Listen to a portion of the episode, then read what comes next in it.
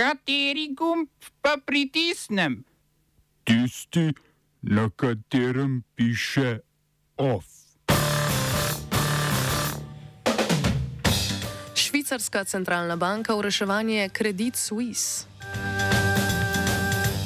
Pakistansko više sodišče zadržalo aretacijo nekdanjega premijeja Kana. Hidriški talum v odpuščanje 120 delavcev.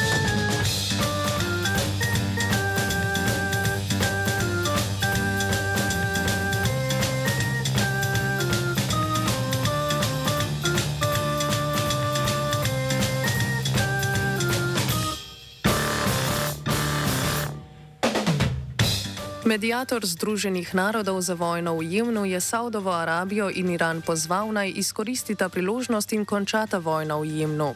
Državi sta minuli petek po pogovorih v Pekingu napovedali ponovno vzpostavitev diplomatskih odnosov, ki sta jih prekinili pred sedmimi leti po savdski usmrtitvi šiitskega klerika Nimra al-Nimra.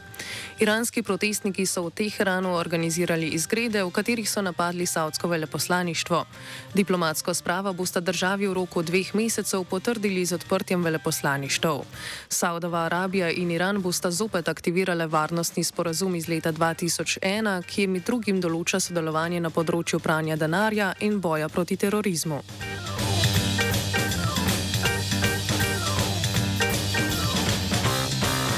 Zunanje politično Iran in Saudova Arabija ostajata na nasprotnih bregovih, kar je med drugim vidno v jemenski vojni, ki traja od leta 2014.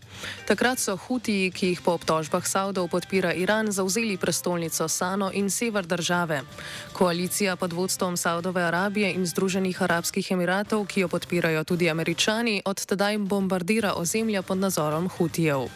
Po besedah posebnega odposlanca Združenih narodov Hansa Grundberga, premjer je sklenil, sklenjeno lanskega aprila v ključnih točkah še zmeraj velja. To sicer ne preprečuje sporadičnih spopadov v Jemnu in hude lakote ter pomankanja pitne vode. Saudski napadi na vodno infrastrukturo so v Jemnu povzročili tudi izbruh kolere, ki pa naj bi ga Združeni narodi s programom cepljenja uspeli omejiti.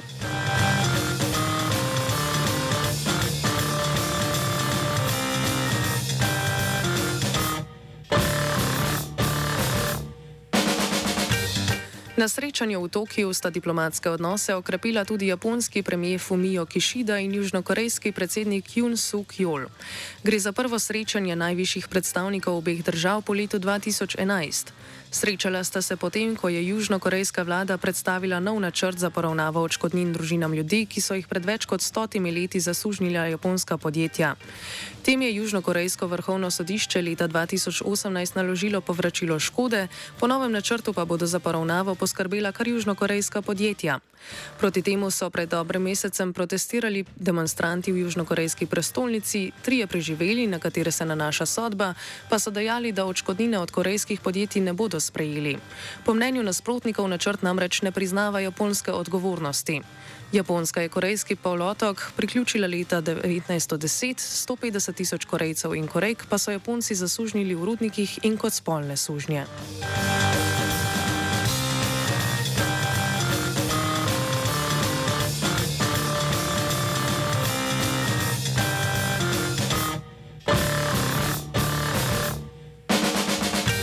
Obrambno ministrstvo Združenih držav Amerike je objavilo posnetek, za katerega na ministrstvu trdijo, da prikazuje, kako se je rusko vojaško letalo približalo ameriškemu brezpilotnemu letalu in nanj odvrglo gorivo. Letalnik je na to strmoglavil v Črno morje, česar ni na posnetku.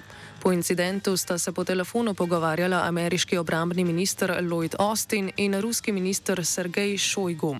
Namestnik stalnega ruskega veleposlanika pri Združenih narodih Dmitrij Poljanski je izjavil, da je dron kršil režim zračnega prostora vzpostavljenega za posebno vojaško operacijo in napovedal, da bodo v Črnem morju poiskali ostanke brezpilotnega letala, ZDA pa so incident označile za rusko provokacijo.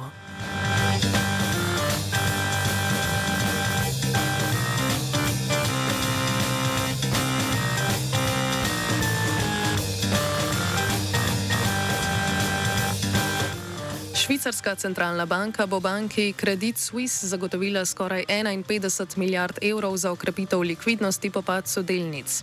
Te so včeraj izgubile okoli 14 odstotkov vrednosti, 24 odstotkov vrednosti se upravičujemo, potem ko je večinska lasnica Saudska nacionalna banka zavrnila nadaljne finančno reševanje banke, če bi se to izkazalo kot potrebno. Centralni bankiri so presodili, da Credit Suisse izpolnjuje kapitalske in likvidnostne zahteve, ki veljajo za sistemsko pomembne banke. Poleg posojila centralne banke bo ta od Credit Suisse, ki je 17. največji posojilodajalec v Evropi, odkupila do 3 milijarde evrov dolga. Credit Suisse je sprejela pomoč banke v upanju, da bo spodbudila ponovno investiranje. Lani je banka zabeležila največjo poslovno izgubo od bančnega zloma pred več kot desetletjem, v torek pa so na banki priznali, da so odkrili materialno šibkost v notranjem nadzoru nad finančnim poročanjem.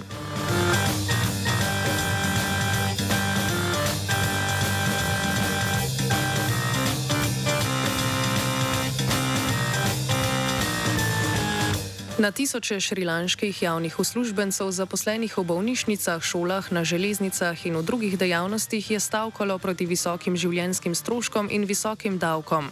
Te je vlada predsednika Ranila Vikreme Singa uvedla pod pritiskom Mednarodnega denarnega sklada, krajše IMF, ki je z, njovi, z njihovim zvišanjem pogojeval finančno pomoč v vrednosti skoraj 3 milijard evrov. Šrilanka se spopada z najhujšo gospodarsko krizo od razglasitve neodvisnosti od Združenega kraljestva leta 19. 1948 in je od aprila lani, ko ni zmogla odplačati 43,5 milijarde evrov zunanjega dolga, v bankrotu. Prejšnji teden se je o odlogu plačila posojil dogovorila s Kitajsko, svojim največjim posojilodajalcem. Dokončno potrditev posojila IMF-a tako pričakuje do konca meseca. Več kot 40 sindikatov, ki so sodelovali v včerajšnji stavki, je napovedala, da bodo nadaljne stavkovne aktivnosti prilagajali glede na vladni odziv.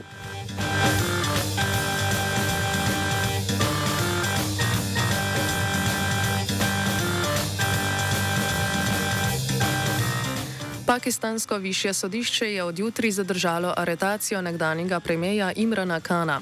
Za zadržanje se je odločilo zaradi nasilja kanovih pristašov, ki so pred prebivališčem nekdanjega premijeja postavili barikade in se spopadli s policijo. Ta je želela Kana aretirati zaradi izogibanja sodišču. Sodni procesi proti Kanu so se začeli potem, ko mu je parlament aprila lani kot prvemu pakistanskemu premijeju v zgodovini izglasoval nezaupnico. Nekdani premijev takrat poziva podpornike k organizaciji protestnih shodov, na katerih zahtevajo ponovne volitve. Vrhovno sodišče je ob zadržanju aretacije naročilo tudi zaustavitev enega takšnih shodov, ki ga organizira Kanovo pakistansko gibanje za pravičnost, največja opozicijska stranka. Stranka napovedanega shoda ne sme izvesti zaradi turnirja kriketa, ki se bo odvijal istočasno.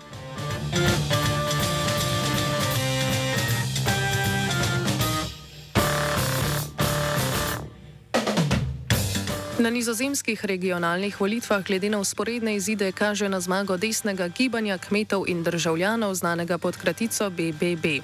Gibanju se obeta zmaga nad stranko premijeja Marka Ruteja, čigar ljudska stranka za svobodo in demokracijo želi razlastiti kmete in sprejeti druge okoljske ukrepe za zmanjšanje emisij toplogrednih plinov v kmetijstvu, čemur pa BBB nasprotuje.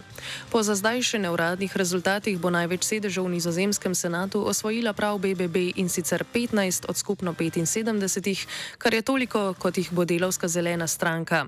Koaliciji Marka Ruteja se obeta izguba osmih od trenutnih 32 sedežev, ki jih imajo v nizozemskem zgornjem domu.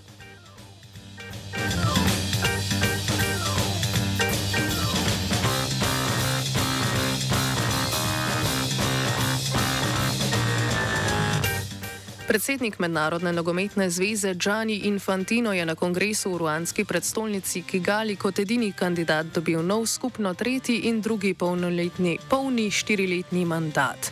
Vodenje FIFA je prevzel v začetku leta 2016 po odstopu Sepa Blaterja. Predtem je deloval kot generalni sekretar Evropske nogometne zveze UEFA.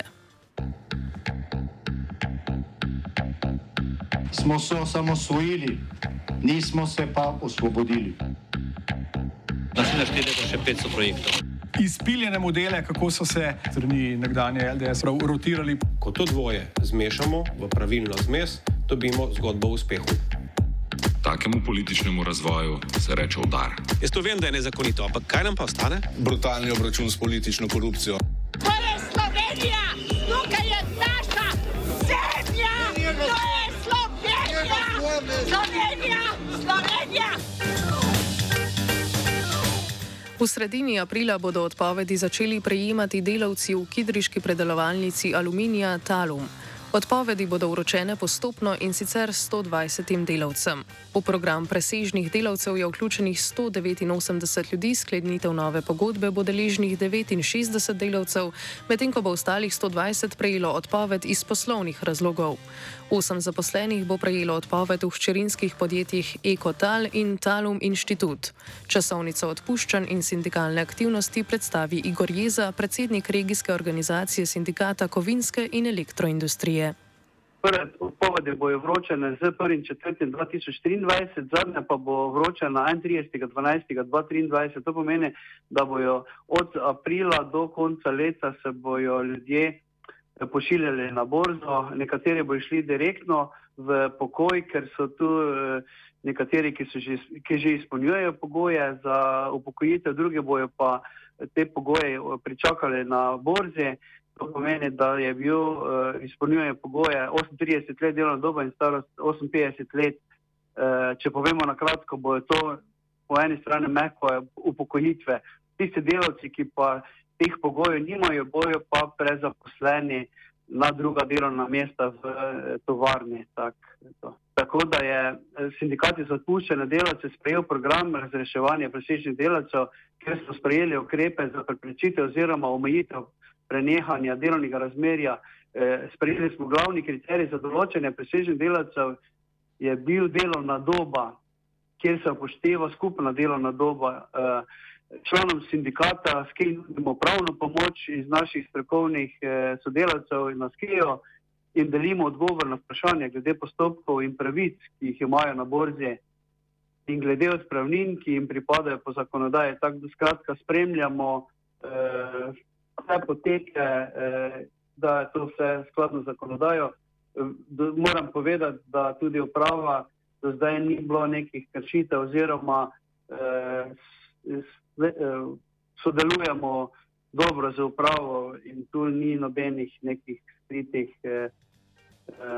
vprašanj oziroma nekaj tega.